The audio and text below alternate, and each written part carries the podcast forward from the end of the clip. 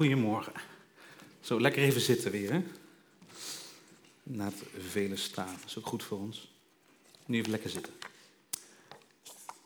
Mijn naam is Matthijs Dommerold. Ik uh, mag hier kerken, uh, mag muziek maken en af en toe mag ik wat delen. Uh, vanmorgen ook. Het gaat over verwachting. Pas wel bij de decembermaand en daar gaan we met elkaar over nadenken. Eerste vraag die ik heb. Wie kent deze envelop? Heeft u wel eens gezien? Handen, beetje. Ja. Sowieso is een envelop is leuk om te openen, vaak hè. Behalve als hij blauw is. Deze is goud. Um, de decemberkalender. als je hem open doet, dan heb je allerlei vakjes. 31 in totaal. En de bedoeling is dat je elke dag een vakje openkrast. Nou, ik heb hem nog niet opengekrast.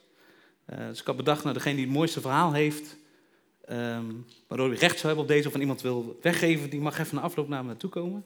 En die mag hem hebben. Als je dan 11 sterren openkrast aan het einde van de maand, en niet op 1 december al alles hebt opengekrast, wat ik meestal doe, um, kan je 200.000 euro winnen. En ik ben een beetje getriggerd door die adventskalenders, want um, je hebt ze genoeg. Kijk maar even mee. Ik was aan het googlen. En blijkbaar is aftellen naar kerst een, een dingetje. Um, terwijl misschien soms wel een beetje lijkt of kerst wat naar de achtergrond verdwijnt. Maar even een rijtje uh, met bedrijven die iets doen met een adventskalender. Ik heb Lego gevonden, Maybelline, Playmobil, Harry Potter, Cars, Disney Frozen 2, Douglas, Rituals, allerlei biermerken en allerlei wijnmerken. Een vakje openen tot aan kerst. Blijkbaar tellen we toch op een bepaalde manier af naar kerst. Nou, en dat aftellen naar kerst, de verwachting die we mogen hebben, daar wil ik vanmorgen alvast naar kijken. Het lijkt dus toch of kerst nog ergens wel een rol speelt in onze samenleving. Al hoorde ik begin vorige maand dat er een supermarkt met een blauw-geel logo uit Duitsland, niet zijnde de Aldi, um, had besloten om in de kerstfolder alle woorden die met kerst te maken vervangen door feest. Dus het was een feestontbijt, een feestbrood. En ik dacht, nou, dan gaan we een beetje met de wereld mee. Dus ik wil je graag uitnodigen, alvast voor de feestdienst op feestavond, voorafgaand aan eerste en tweede feestdag. Dus kijk maar of je zin hebt in een feestje, want dat is het dan blijkbaar. En dan ben je van harte welkom. Nee, zonder gekheid, er was ook best wat om te doen geweest. Ik geloof dat kerst nog steeds een plek heeft in onze samenleving, in onze maatschappij.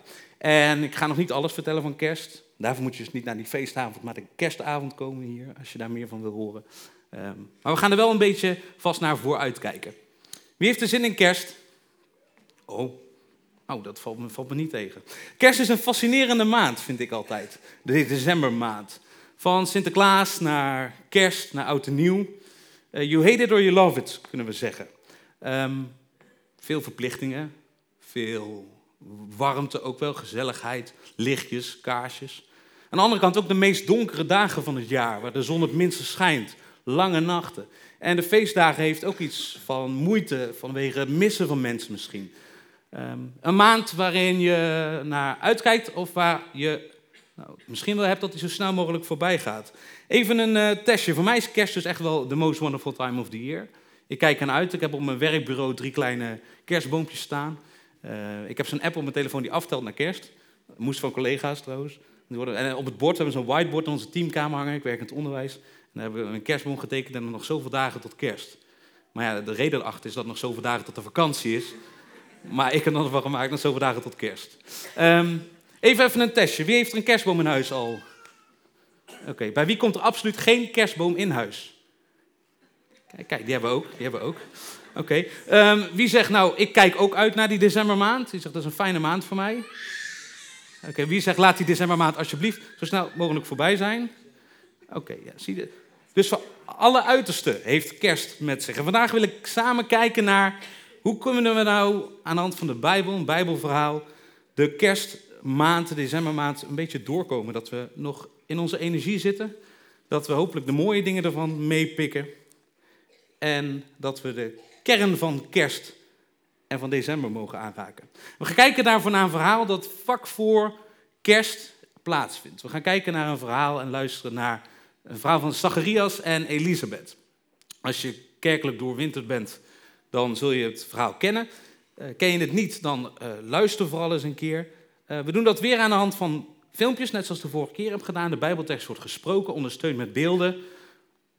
zoom niet te veel in op die beelden, zo is het waarschijnlijk niet gegaan. Het geeft je een mooi beeld. En het komt uit het Bijbelboek van Lucas. En het mooie aan Lucas vind ik, die begint zijn Bijbelboek met te vertellen dat hij als doel heeft, dat was een Griekse arts, om een zo betrouwbaar mogelijk beeld te geven van het leven van Jezus. Nou, ik vind het wel tof als je een Bijbelboek schrijft, een boek schrijft voor de overlevering, dat je dan begint met, ja, ik ga dit niet zomaar mooi verhaal opschrijven, nee, het is echt mijn doel om als betrouwbare bron over te komen. Dus aan jou mag bepalen wat jij daarvan vindt. we gaan kijken naar Lucas 1, dus het begin, uh, naar het verhaal van uh, Zacharias en Elisabeth.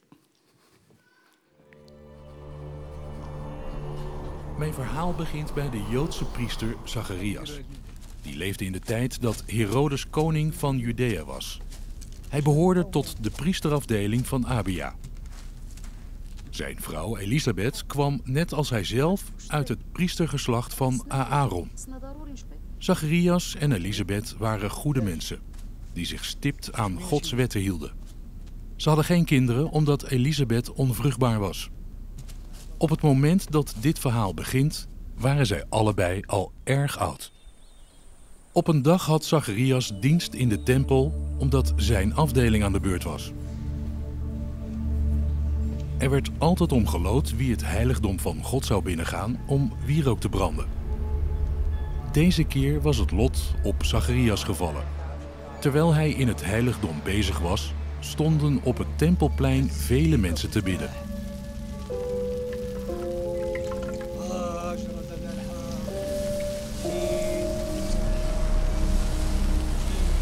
Plotseling zag Zacharias een engel van de Heere staan, rechts van het altaar waarop de wierook werd gebrand.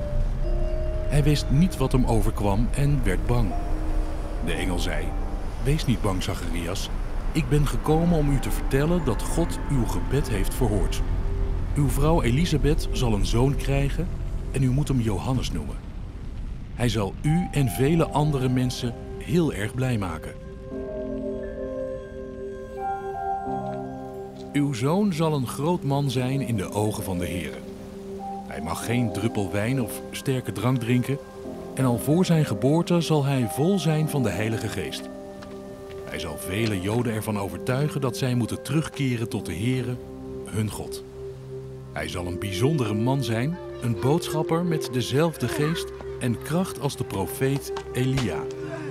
Hij zal ouders en kinderen verzoenen en de ongehoorzamen weer op het pad van de rechtvaardigheid brengen. Zo vormt hij een volk dat gereed staat voor God. Zacharias zei tegen de engel: Moet ik dat zomaar geloven? Ik ben immers al oud en mijn vrouw ook. Toen zei de engel: Ik ben Gabriel en leef heel dicht bij God. Hij heeft mij naar u toegestuurd om u dit te vertellen. Maar u wilt mij niet geloven. Daarom zult u vanaf nu niet meer kunnen spreken. Pas als het kind geboren is, zult u weer kunnen spreken. Want wat ik heb gezegd zal precies op tijd uitkomen.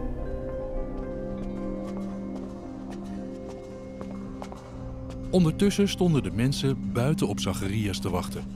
Ze vroegen zich af waarom hij zo lang in het heiligdom bleef. Eindelijk kwam hij naar buiten, maar hij zei niets. Hij kon geen woord uitbrengen. Uit zijn gebaren konden zij opmaken dat hij in het heiligdom een engel had gezien.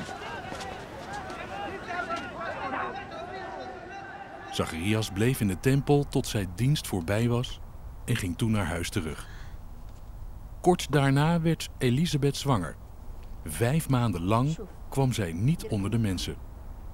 Wat is de Heere goed voor mij, juichte zij. Hij heeft de schande van mij weggenomen dat ik geen kinderen had.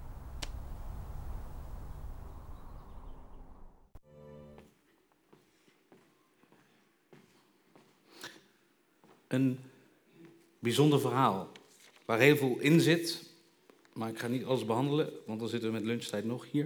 Ik ga inzoomen op een paar zaken die mij op zijn gevallen. Laten we eerst kijken naar de hoofdpersonen van dit verhaal. Zacharias stond bekend als een rechtvaardig man en was dus een priester voor God. In die rol werd hij aangesproken door de engel Gabriel met een nogal bijzondere mededeling. Zij stonden samen bekend als echtpaar dat heel dicht bij God leefde, leefde zoals God het wil. Um, vrome mensen wordt er gezegd in de Bijbel. En toch hadden ze ook een groot verdrietpunt, zo kan je dat wel noemen. Het niet kunnen krijgen van kinderen. En in die tijd was het ontzettend belangrijk om wel kinderen te krijgen. En stond dat heel hoog in aanzien. Ehm, kinderen als welvaart, want een groot familie zorgde voor meer inkomsten, dus een betere leefomstandigheid. Maar ook als, en daar heb ik ook iets over verteld de vorige keer, op 15 september. Ehm, een groot gezin zorgt ook voor beveiliging en veiligheid in je stad. Dus op het moment dat je geen kinderen kon krijgen in die tijd, had dat zeker ook invloed op je aanzien. Dus een groot verdriet droegen Elisabeth en Zacharias met zich mee. En misschien hadden ze tegen de tijd dat ze zo oud geworden zijn ook echt wel de hoop opgegeven. En Zacharias mocht dus naar Jeruzalem om daar zijn beurt in de dienst van de tempel te vervullen. Ehm, en het lot had besloten, horen we, dat Zacharias dat mocht doen. En daar kwam hij oog in oog te staan met een engel van God, die een boodschap had. En Gabriel, die vertelde dus dat ze een kind zouden verwachten. En niet zomaar een kind, maar Johannes de Doper. Daar kan ik ook nog heel veel over vertellen, dat doen we nu niet. Ehm, en je zou je kunnen voorstellen dat als je zo'n nieuws krijgt, dat je reageert met yes, fantastisch, geweldig nieuws. Hier hebben we op gewacht, hier hebben we op gehoopt en nu is het eindelijk zover. Maar eigenlijk wordt Zacharias beïnvloed door de aardse dingen, de dingen die hij gewoon meemaakt in zijn dagelijkse leven. Het feit dat hij oud is, dat Elisabeth onvruchtbaar was, dat ze allebei oud waren. Hoe dan? Hoe kan dat dan? En God legde hem het zwijgen op, letterlijk. Kijken we naar Elisabeth. Elisabeth was huisvrouw, zoals de Bijbel dat omschrijft. Ehm, en ook echt een vroomgelovige vrouw. En in die tijd moest het ouder worden voor Elisabeth natuurlijk behoorlijk pijnlijk geweest zijn. En soms baal ik ook wel een beetje van de Bijbel, dat de Bijbel heel erg feitelijk verslag doet. Nou vind ik dat wel passen bij Lucas als hij zegt van, ik wil een feitelijk betrouwbaar verslag geven. Dat ik er wel van baal dat er niks van emoties in staat. Dat ik niet mag lezen hoe Zacharias en Elisabeth dat nou beleefd hebben. Want wat zal dat voor heftigs geweest zijn als je graag kinderen wil en dat is nu nog steeds zo en het lukt niet. Grote kans dat ze zich zoal neer hadden gelegd bij het verdriet. En Zacharias kwam terug van zijn reis en moest Elisabeth duidelijk maken dat er toch wat moois aan zat te komen. Iets waar ze lang niet meer op gehoopt hadden. En toch gaat dit verhaal verder dan alleen maar de biologische onvruchtbaarheid van Elisabeth en het ingrijpen van God.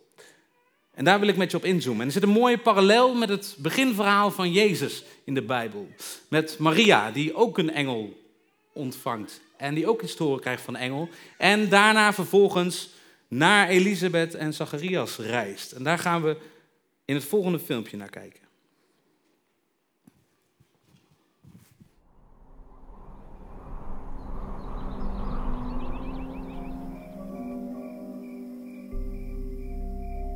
Elisabeth in haar zesde maand was, stuurde God de engel Gabriel naar Nazareth, een stad in Galilea.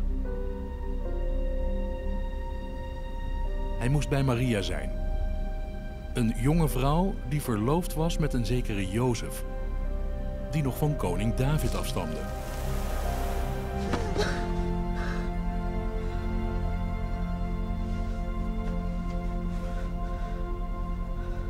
Gabriel kwam bij haar binnen en zei: Ik wens u vrede toe.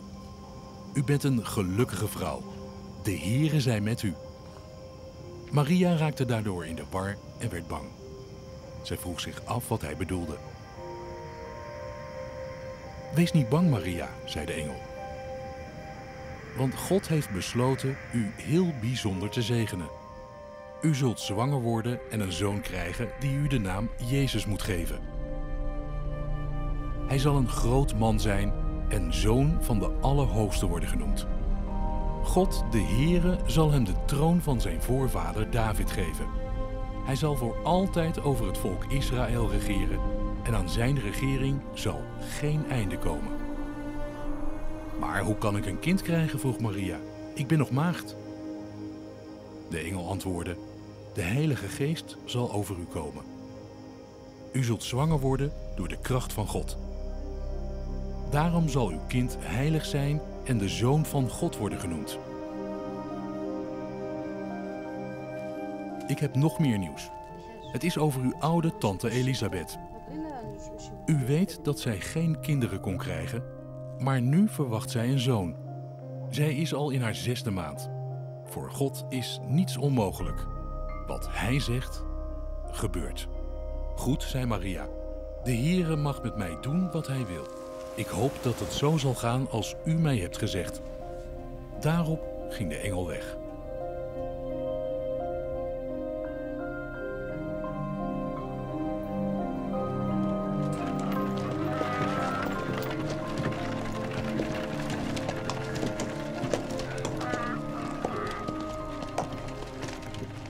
Kort daarop reisde Maria zo vlug zij kon naar het bergland van Judea om Elisabeth te bezoeken. Zij ging het huis van Zacharias binnen en groette Elisabeth. Toen Elisabeth de groet van Maria hoorde, begon het kind in haar buik te trappelen. En Elisabeth zelf werd vol van de Heilige Geest. Zij jubelde het uit en zei tegen Maria: Jij bent de meest gezegende vrouw van de hele wereld en jouw kind draagt Gods zegen. Wat een eer dat de moeder van mijn Here bij mij op bezoek komt. Want toen je binnenkwam en ik je stem hoorde, begon het kind in mijn buik te trappelen van blijdschap. Jij hebt geloofd dat God zou doen wat hij zei. Wat een geluk. Maria antwoordde: Ik prijs de Heere met mijn hele hart. Ik kan mijn blijdschap niet op. God, mijn redder, heeft aan mij gedacht. En ik ben maar een gewone vrouw. Nu zullen de mensen altijd en overal zeggen dat ik bevoorrecht ben. Want de machtige, heilige God heeft grote dingen voor mij gedaan. Hij is altijd goed voor mensen die ontzag voor hem hebben. Hij heeft laten zien hoe groot en machtig hij is.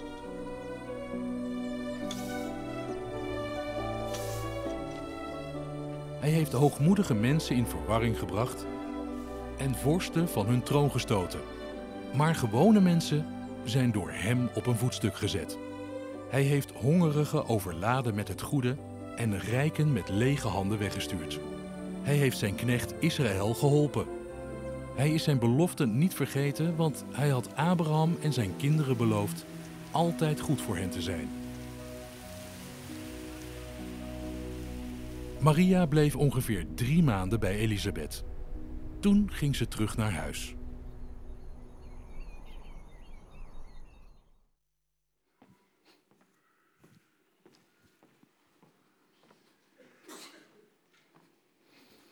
God trekt zich het lot aan van doodgewone mensen. In dit geval Elisabeth, een gewone huisvrouw, een onvruchtbare vrouw, en Maria, een eenvoudige dienares. En God kiest ervoor om het verhaal niet te beginnen in een mooi paleis, zoals we vorige twee weken geleden bij Matthijs hoorden van Herodes. Maar kiest ervoor om in een gewoon huis, een gewone stal, het verhaal te beginnen. Zo'n nieuw begin kan alleen vanuit de hemel op gang worden gebracht. Wees niet bang. Zacharias kan het bijna niet geloven. Hij lijkt het wel niet te durven geloven, maar hoe dan? vraagt hij. En vanwege die aarzelende vragen wordt hij met stomheid geslagen, letterlijk. Het lijkt wel of dat het ongeloof ervoor zorgt dat Zacharias gestraft wordt. En dat maakt het ook wel bijzonder. Zo'n gelovige man die juist op zo'n moment gaat twijfelen aan, maar kan dat eigenlijk wel? Maar Zacharias schikt en wordt overmand door emoties. En dat zien we ook bij Maria gebeuren, nadat de engel op bezoek komt. En ook dat zegt iets over de kracht van God, de macht van God. En hier zien we ook weer een parallel met het verhaal van Maria. Maria wordt ook begroet met de woorden wees niet bang. reageert ook hoe dan? Hoe kan dat dan? Hoe kan dit gebeuren? Maar Maria wordt de mond niet gesnoerd. Maria krijgt uitleg van de engel en reageert met de woorden: De Heer wil ik dienen, laten met mij gebeuren wat u hebt gezegd. En het bijzondere is aan dit verhaal, vind ik, dat nergens in de Bijbel het woord straf wordt genoemd als het gaat om het zwijgen van Zacharias. En veel uitleggers, en ik zelf ook, eh, dacht altijd van ja, hij zou wel gestraft worden omdat hij God niet geloofde, de engel niet geloofde. Zo van hier, je gelooft mij niet, nou hou nou maar even je mond. Maar nee, dat staat er eigenlijk niet. Misschien kan, mag je het ook wel zien als een soort van verplichte stille tijd voor Zacharias. Tijd om even stil te worden en na te denken en ergens op te wachten. Je leest ook dat Elisabeth vijf maanden niet meer onder de mensen komt. Je zou het een vorm van retraite kunnen noemen. Samen in de voorbereiding op de komst van Jezus. Samen stil worden. In hoeverre lukt het jou stil zijn? Rust nemen, rust vinden. Juist in deze drukke decembermaand. Via Sinterklaas naar kerst en oud en nieuw. Hoe lukt het jou om even op bepaalde momenten stil te staan en stil te zijn en na te denken over wat kerst voor jou kan betekenen? Deze dagen, nu word je nou, platgeslagen bijna met de mindfulness cursus. Ik heb even een kaartje van Eindhoven gemaakt, een printscreen. Waar overal in Eindhoven, en dit is nog maar de grote, want als je verder inzoomt, dan komen er nog meer. Waar mindfulness uh, cursussen worden aangeboden in Eindhoven en omgeving. Um, met als doel om rust te vinden in je hoofd. Met als doel om de gedachten, de chaos in je hoofd te ordenen. Om één te worden met jezelf. Uh, moet je voor betalen. En ik heb een gratis oplossing voor je. Als jij die rust wil ervaren in je leven. Een rust op een plek waar we in december met elkaar naartoe leven. In de vorm van Jezus, juist in deze drukke decembermaand. Een maand die in het teken staat van drukte, gezelligheid, maar dus ook die andere kant heeft. En ik wil je uitdagen om na te gaan denken over de vraag: wat verwacht jij van kerst? En niet je te laten overvallen door de maand december met al de drukte, maar eens een actieve houding aan te nemen. En niet een afwachthouding, ik zie het allemaal wel en ik ben blij als het 2 januari is en we kunnen weer normaal gaan doen met wat goede voornemens. Maar dat je zegt, kom maar op met december. En kom maar op met de dingen die december, die kerst mij te vertellen hebben. En ik moest denken aan het woordje verwachten daarbij. Nou ja, hier hebben we vanmorgen allerlei kleine baby's mogen zien. Negen maanden in verwachting. Wachten op iets, klaar zijn voor iets. Ik ben fan van PSV. En ik heb wel een moment gehad dat dat makkelijker was om te vertellen. En ik ga vaak naar wedstrijden. En elke keer als ik naar een wedstrijd ga, dan verwacht ik die drie punten. Nou is dat de afgelopen weken niet echt allemaal uitgekomen. Maar de keer dat ik daarop ga, verwacht ik weer die drie punten. Dan sta ik weer met goede hoop aan het begin van een wedstrijd. En ik heb ook mensen om me heen zitten die meer denken, nou ik zie het allemaal wel en ik verwacht het niet meer en ik, ben aan ik geloof het wel. Maar een houding van verwachten biedt hoop en heeft iets om naar uit te kijken. Nou, en die houding van verwachten, ik geloof dat God daar ook iets mee wil bij jou. We mogen het verwachten van onze God. Wij mogen dingen van God verwachten, maar andersom is het nog mooier. God verwacht jou. God kent geen afwachtende houding, achteroverleunend, is een stoel arm over elkaar naar beneden kijkend. Van goh, even kijken wat daar allemaal aan de hand is. God is een actieve God. Dat zien we ook in deze verhalen. Dat God actief ingrijpt in het leven van doodgewone normale mensen. Van afwachten, een mooie omschrijving daarvan, blijven waar je bent, niets doen tot er iets gebeurt, dat heeft iets passiefs, naar verwachten. Iets wat gaat komen. En iemands komst wordt omschreven waarschijnlijk achter. Misschien ken je dat wel als je niks hebt afgesproken en je gaat bij mensen langs, bij familie, bij vrienden en je belt aan, de deur gaat open. Ah, ik verwachtte je al. Terwijl je niet eens een afspraak had gestaan. Iets waar je naar uitkijkt. Nou, een kindje dat verwacht je, want er zit een mooi proces aan vooraf. Maar ik geloof dat God in verwachting is en ons verwacht met open armen. En het mooiste bewijs daarvan levert God in zijn zoon, waar we nu met kerst extra over willen nadenken. Die voor ons naar de aarde is gekomen als begin van al het nieuwe. Als begin om de relatie tussen God en ons te herstellen. Daarom vieren we kerst met elkaar en wordt het geen algemeen feest. Want met kerst begint het verhaal van God op deze aarde. En dat verhaal stopt niet, kent geen einde en blijft doorgaan tot op de dag van vandaag. En wat hoef jij te doen om daar iets van te ontdekken? Om daarbij te horen? Niets is het antwoord.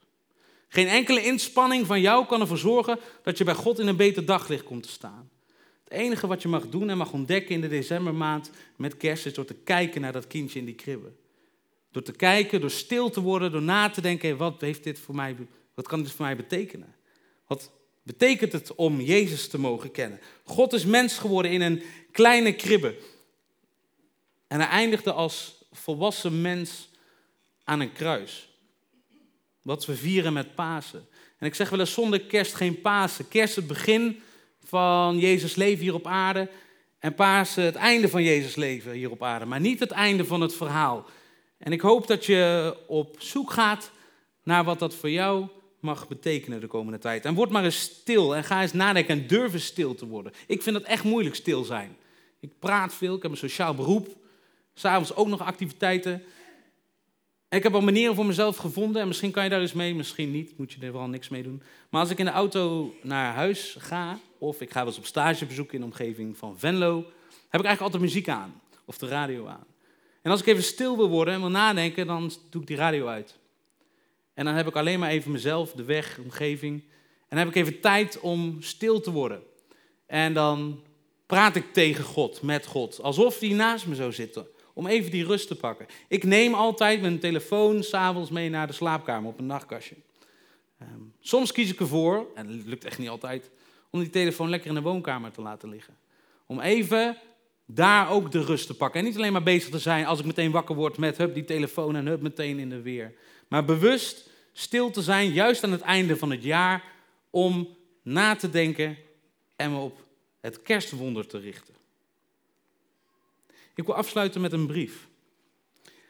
December is de tijd van brieven ook een beetje. Gedichten uh, horen bij Sinterklaas. En kerstkaarten horen natuurlijk bij kerst. Wie schrijft er nog kerstkaarten? Nou, drie mensen. Nou, ietsje meer. Vroeger was het heel gebruikelijk dat men kerstkaarten naar elkaar stuurde. Want het was leuk als je dan een kaartje thuis kreeg, persoonlijk geschreven. Um, en ik heb een persoonlijke kerstkaart voor jou. Um, niet door mij geschreven, gelukkig, maar door God geschreven. En die kerstkaart bevat een uitnodiging. En ik ga hem hier voorlezen. Het bevat Bijbelteksten die samen een brief vormen voor jou. En ik wil je vragen om na te denken over de inhoud van die brief. Om als je die brief zo meteen hoort, om hem te ontvangen met een open hart. En te accepteren dat wat zometeen daar komt te staan, want de beamer doet mee, de scherm doet mee, het scherm doet mee, dat het voor jou geldt. Dat het niet algemene woorden zijn als er jou staat, maar dat jou jij is. En dat God vanmorgen in deze drukke decembermaand iets tegen je wil zeggen. Waarvan ik hoop dat je het meeneemt, hoort, maar ook echt luistert.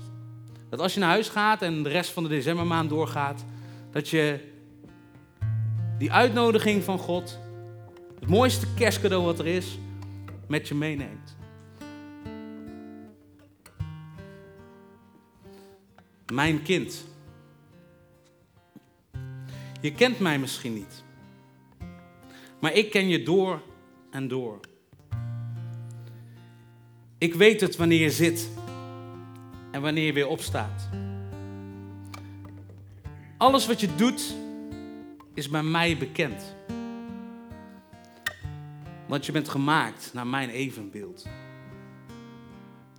Voordat je verwekt werd, kende ik je al. Je bent geen vergissing. Ik heb je prachtig gemaakt. Ik heb je gemaakt in de buik van je moeder. Mijn verlangen is om je te overladen met mijn liefde. Ik geef je veel meer dan een aardse vader zou kunnen. Want ik ben de perfecte vader. Ik geef je wat je nodig hebt. Ik denk oneindig veel aan je. Ik zal niet stoppen met het goede voor je te doen, want je bent mijn kostbare bezit. Als je mij met je hele hart zoekt, zul je mij vinden. Ik ben de vader die je troost in al je verdriet. Als je te neergeslagen bent, ben ik dichtbij je.